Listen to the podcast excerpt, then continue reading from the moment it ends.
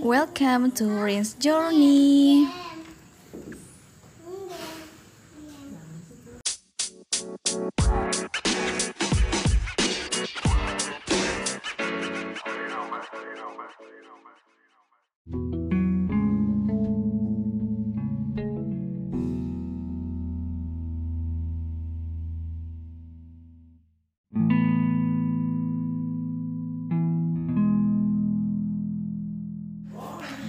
Hai hai hai. Assalamualaikum warahmatullahi wabarakatuh. Wah kayaknya udah lama banget ya Ririn tuh gak ngepodcast. Lama banget kayaknya. Tiga bulan Kali ya setelah penerimaan kerja kan terakhir tuh. Terakhir itu podcastan sama Mbak Yuni Waktu diminta perpisahan gitu deh. Itu bulan uh, Habis lebaran. Dan sekarang udah November udah mau akhir tahun dan sekarang Rin udah kerja dong. Kerjanya itu di daerah Bogor. Ya sama dengan domisili kan. Dan uh, bersyukur banget gitu kan. Bisa deket sama rumah. Ya walaupun gak deket banget sih ya setengah jam. Dan bersyukurnya lagi Ririn bisa main ke salah satu rumah temen waktu kuliah dan ini tuh nggak nyangka banget gitu ya akhirnya aku bisa ketemu dia. Dan ah pokoknya spesial banget ya rasanya karena semasa kuliah itu ya Rin tuh sering banget datengin kosannya. Ya ampun. Itu kadang jadi inget zaman dulu gitu kan. Nggak tau lah tiba-tiba pulang kuliah aku ngintilin aja dia gitu aku ke kosannya ya gitu terus minta jemput di sana. Dan ini kayak berulang lagi dong tapi dengan masa yang berbeda. Dan dia ini nggak sendirian sekarang. Ya iyalah sudah berapa tahun berlalu ya dari terakhir itu 2014 2015 kan. Sekarang sudah 2019 dan sudah nggak uh, sudah apa ya namanya tuh? Sudah bertambah lagi gitu anggota keluarganya. Dan dia tuh orang pertama yang nikah. Waktu zaman kuliah. Sebenarnya udah ada sih uh, angkatan kita mbak yang udah nikah. Tapi dan tapi dia ini pertama kali nikah itu sambil. sambil ya. Dan keren banget skripsi skripsi tuh hamil wow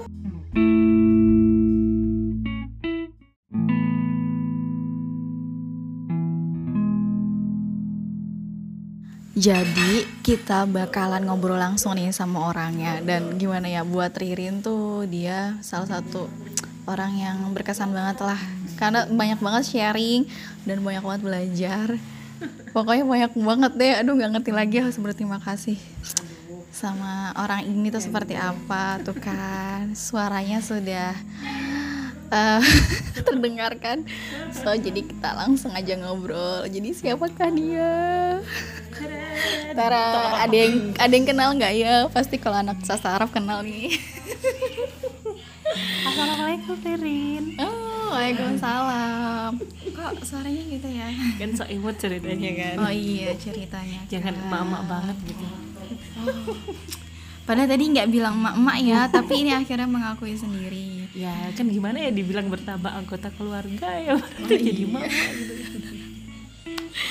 jadi uh, ini belum kenalan ya padahal ya. Iya belum kenal.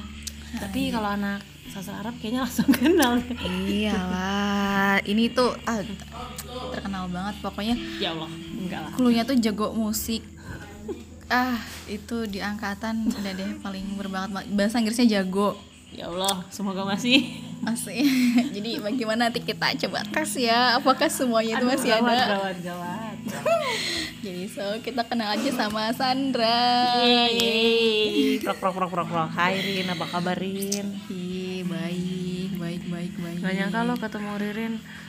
Maksudnya ternyata lokasinya tuh deket sama apa namanya rumahku di Bogor gitu. Deket banget jam dua. Iya deket banget. Beneran deh. Itu tadi itu ya naik gojek aja cuman 4 km Iya emang deket banget itu mah. Uh -uh, gitu. Jadi aduh itu bener-bener inget masa kuliah banget deh. Iya. Padahal padahal saya tuh nggak ngelakuin hal gimana gimana lo karirin ya benar-benar berteman aja. Iya kan tuh ngerasa nggak gimana gimana tapi kalau buat Ririn tuh emang alhamdulillah. Salah satu. Mm-mm. inilah dia Stefani Sandra Zagita. Hai guys, aduh saya malu nih, saya- saya nggak biasa nge-podcast. Suaranya nggak merdu saya tuh Udah lah ya. Nah udah sih, seneng banget sih ketemu Ririn. Terus justru kalau Ririn bilang belajar apa banyak belajar sharing sama saya saya yang belajar dari Ririn sebenarnya. Justru saya belajar dari Ririn sampai saya mau sekarang tuh masukin anak saya di TK inklusi tuh ya ya itu karena terbiasa temenan sama Ririn sama yang lain tuh saya ngerasa oh gitu ya kalau kita bisa berteman sama orang yang misalnya disabilitas orang apa tuh malah kalau saya ngerasa menambah rasa syukur saya hmm, saya tuh lebih ngerasa menjejak ke tanah gitu.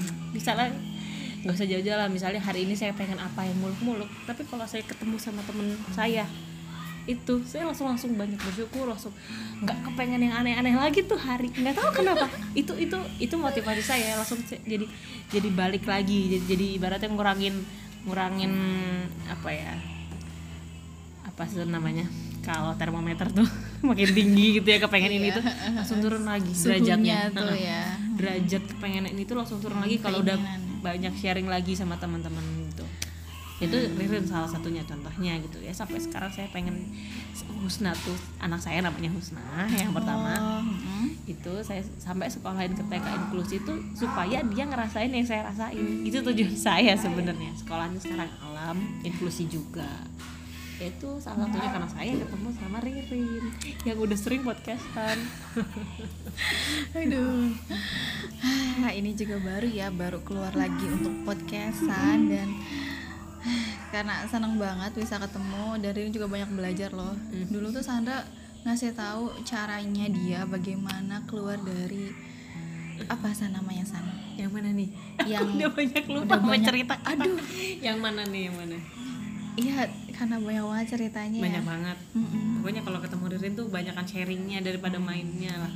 Ngobrol terus. Iya ya Ya, kita juga gak pernah ngerjain tugas. Oh iya, emang emang gak pernah ngerjain.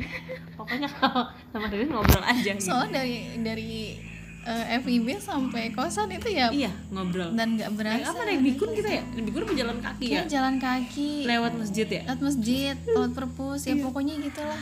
Ya Allah aku tuh sampai udah lupa semua itu parah ya baru berapa tahun. Hmm. Duh ya Allah pikun banget. Ya. emak kebanyakan urusan. Waduh udah mama Iya. tapi emang keren banget pokoknya nih eh, sekarang sudah dua anaknya Iya, dan alhamdulillah. ya, dan menikah dengan senior dong. Aduh jadi malu. Dan ia berhasil ya dengan senior. Iya alhamdulillah anaknya udah dua. Dan- satu empat tahun satu satu tahun. Ya sedang menjalani kehidupan emak-emak yang rempong dari pagi sampai malam. Setiap hari nggak ada kelarnya. Ya tentunya beda sama teman-teman yang sekarang pasti banyak yang kerja masing-masing ada tantangannya tersendiri. Ya saya juga iya tantangannya tersendiri. Terutama kalau ngurusin anak itu emosi sih ya guys. Kalau udah capek tuh uh, gitu ngeliat anak apalagi anak saya dua-duanya aktif banget.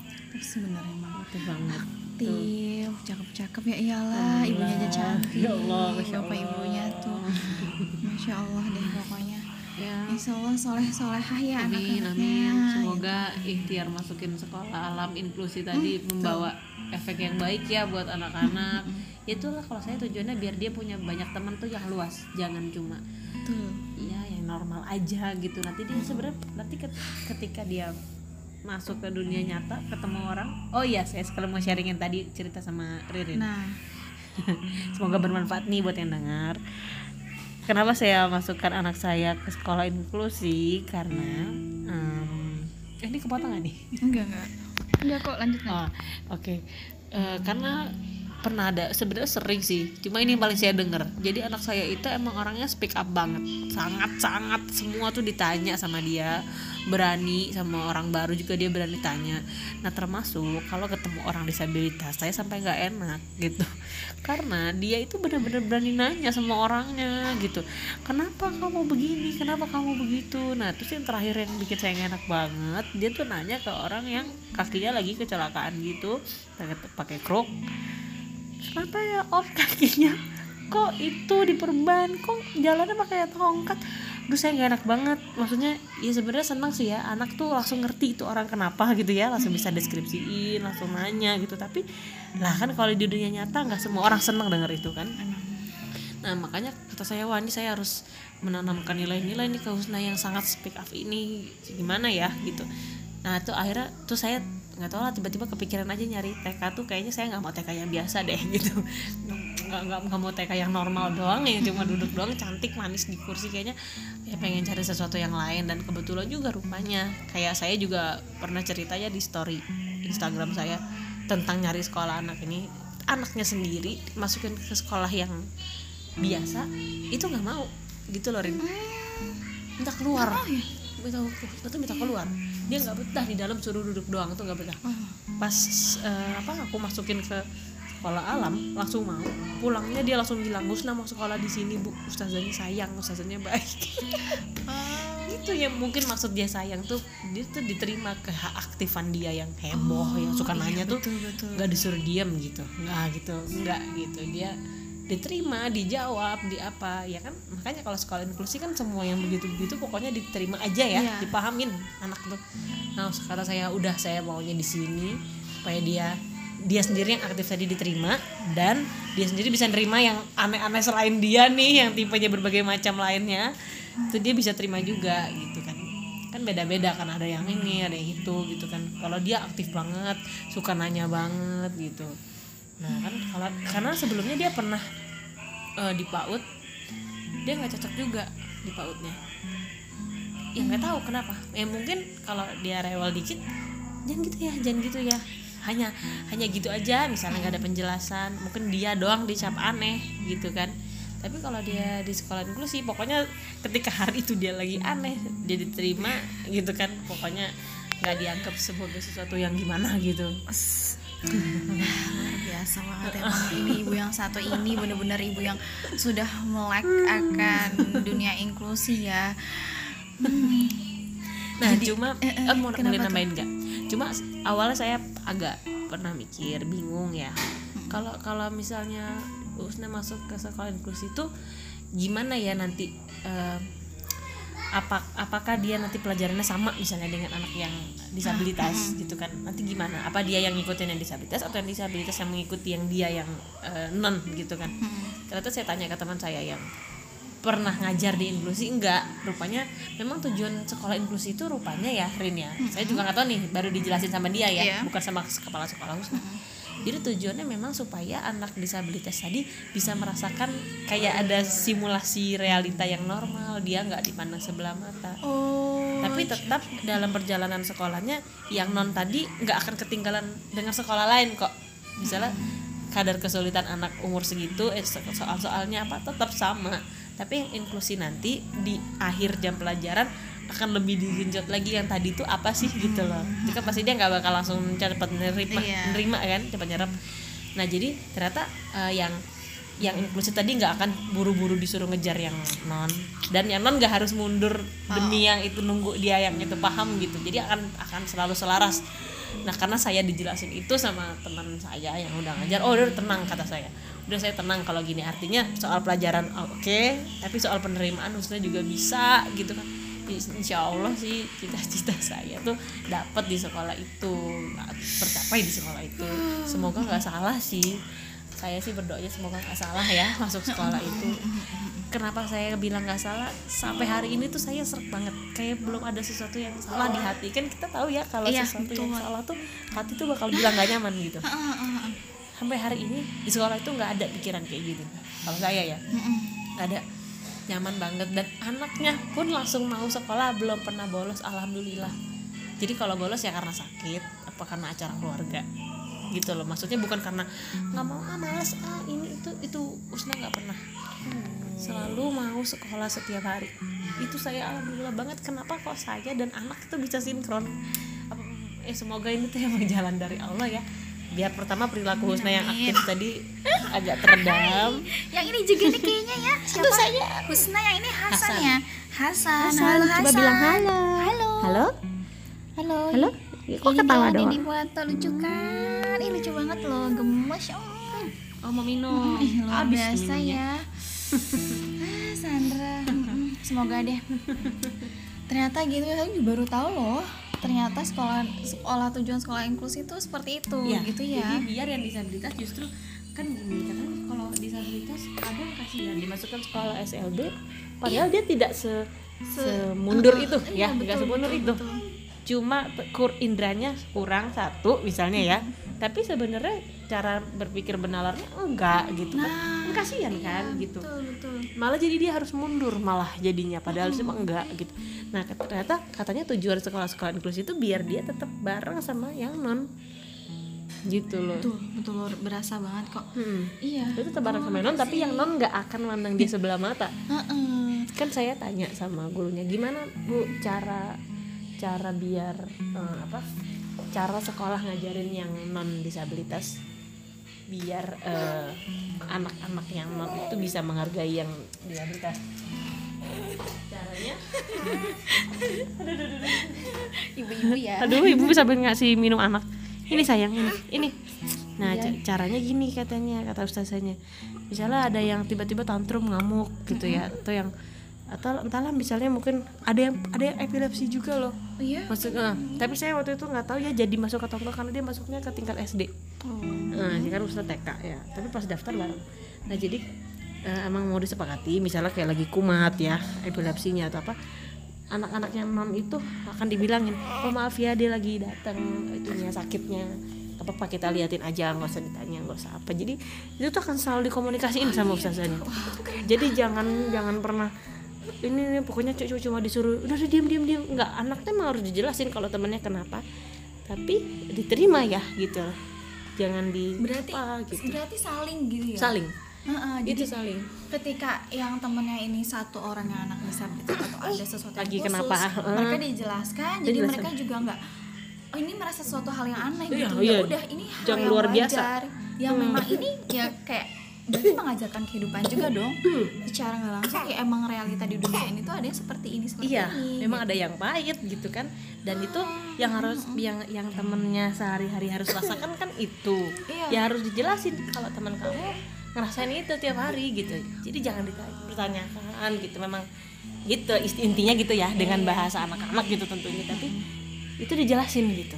Jadi anak-anak harus terima itu dari kecil nah itu saya pokoknya ketika trial sekolah itu udah wow langsung demen luar banget biasa. langsung masuk. Dan itu tuh zaman dulu yang aku aku mau gitu kan aku pengen gitu sekolah, Sekolah alam. gitu ya? cuman sayangnya zaman dulu belum ngehits ada, ya belum ada ya. Susah nyarinya susah gitu. ada sekolah kasih itu juga masih baru awal kali ya. Susah heeh, susah banget. Heeh, susah itu banget. saya alhamdulillah banget ketemu sekolah ini. Tapi sekarang emang banyak sih sekolah yang itu dan pemerintah pun mencanangkan inklusif ya gitu kan. Dan sekarang emang yang perlu diinklusifkan itu malah malah dosianya. orang yang di luar disabilitas gitu. Karena fasilitas pun udah udah ada gitu kan. Sekarang tinggal bagaimana masyarakat nah. menghadapi eh, disabilitas ini. Karena kan menerima kan? Kan menerima menerima dan ya udah biasa aja. Memang ada kok gitu. Nggak harus selalu ngumpet di rumah Ah, atau di sekolah di iya. SLB gitu.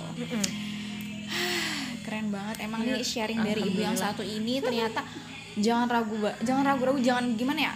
Gini gak sih kadang oh sekolah yang mahal itu yang udah katanya bagus gitu kan mesti Nah. kualitasnya bagus gitu kan. Nah itu ternyata kan saya sempat mikir juga apa anak saya tuh gimana ya? Pertama saya mikirnya itu karena anak saya kan terlalu aktif. Sebenarnya saya nggak tahu dia tuh dulu sempat mikir malah dia tuh hiperaktif atau apa. Tidurnya selalu di atas jam 12 masa jam 4 pagi juga pernah. Husna tuh. Jadi saya tuh nggak ngerti kenapa tapi ya saya juga orangnya kurang ini sih kayak yang kurang oh kita langsung ke psikolog langsung ke dokter. Nggak juga sih jadi ya saya juga yang ini jangan dicontoh ya mungkin ininya kurang baik. Jadi saya agak nyaman-nyaman aja lah yaudahlah yang penting dijaga jaga di apa. Tahunya pas mau daftar-daftar sekolah kan harus tes psikolog syaratnya.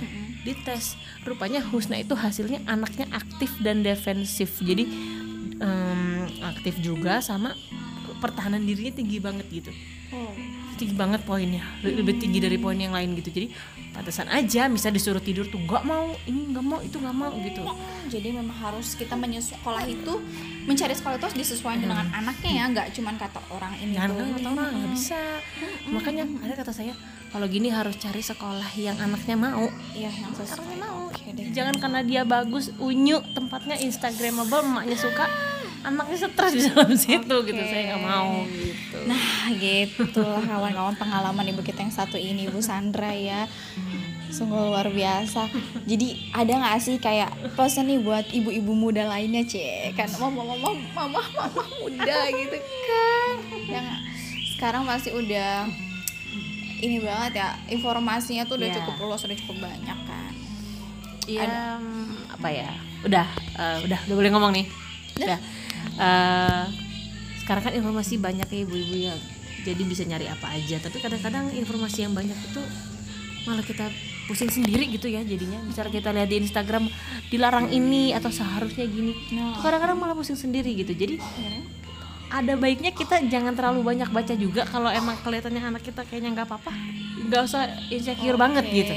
Itu terutama itu ya insecure itu malah bikin jadi pusing sendiri gitu. Sampai kalau anak kita memang ada gangguan baru kita cari ya. Kalau anak kita ada gangguan baru kita eh tangani lebih lanjut. Tapi kalau nggak usah insecure apalagi kayak omongan orang terutama masalah mama milenial itu omongan orang dipikirin banget. Itu nggak usah nggak usah banget gitu Oh, ya yang tahu tuh kita Sandra. sendiri yang tahu anak kita. Ya contohnya kayak saya masukin anak ke sekolah alam tuh nggak semuanya orang terima. Awal-awal kayak yang saya bilang tadi nanti Husna yang harus mundur nungguin temannya yang disabilitas sampai ngerti gimana? Apakah sama dengan maksudnya kecepatan eh, pemahaman anak anak non disabilitas tapi di sekolah inklusif apakah nanti lebih lambat dari sekolah lain gitu loh yang biasa gitu? Rupanya kejawab dengan teman saya Betul betul betul. Hmm, rupanya kejawab dengan teman saya yang cerita itu. Jadi itu saya bersyukur banget teman saya jelasin itu. Artinya nggak usah takut dengan hal itu. Malah dapat keuntungannya dia bisa menerima teman yang disabilitas kan. Hmm, jadi oh ya terus kita harus kenal anak kita ya. Maksudnya saya juga agak cukup telat ya. Empat tahun baru tahu eh, kepribadian Husna yang kayak gitu. Jadi mungkin bisa dites lebih cepat lagi kalau kita mengalami kesulitan-kesulitan dalam parenting mungkin bisa dites psikologi lebih cepat. Boleh ini sharingnya. Nah jadi begitu ya para ibu-ibu muda. Kita sudah cukup banyak dapat informasi dari teman yang satu ini gitu kalau biasa. Dan sekarang lagi sekarang lagi kita kayak kita, kita kayak udah selesai aja nih. Kayak sedang sibuk ngurusin anaknya yang kecil aduh memang bener luar biasa aktif ya semua anaknya. Keren deh pokoknya. Ah, pokoknya untuk Sandra semoga terus sukses jadi ibu rumah tangga yang sukses jadi ibu yang keren jadi ibu yang memahami anaknya mengerti anaknya jadi pokoknya jadi ibu kebanggaan the best lah gitu. Doain semoga anak-anak saya ini ya soleh soleha amin amin. Itu pasti itu pasti ya. Pasti orang tua pengen anaknya soleh dan soleha ya.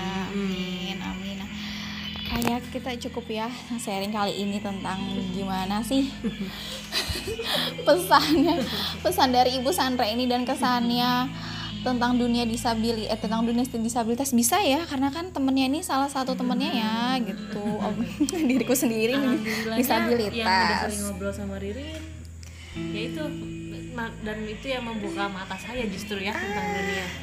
Itu ya karena salah satunya kenal sama Ririn. Saya punya ada kenalan-kenalan tuh dulu ya hanya sekedar tahu aja misalnya di sekolah apa gitu.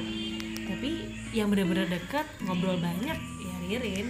Ah, kita saling-saling ya. Aku juga banyak belajar dari Sandra gimana dulu dia cara keluar menghadapi dari apa menghadapi adaptasi. Nah aku juga belajar banget dari dia gitu kan. Dan sekarang kadang jadi suka inget lagi oh iya Sandra tuh dulu pernah sharing ini walaupun Sandra mungkin gak inget aku ya udah lupa kayaknya. Udah lupa gitu tapi itu bener deh emang ilmu itu ya Zariah banget ya kalau misalkan bisa menolong orang tuh emang bener deh San.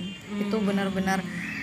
Nah jadi ya mumpung sekarang lagi ada waktu di Bogor ya, gitu. Alhamdulillah kalau bisa Alhamdulillah. nolong Ririn melalui masa-masa sulit dengan cerita cerita saya yang padahal saya juga udah lupa. Tapi mungkin kalau diobrolin lagi ingat.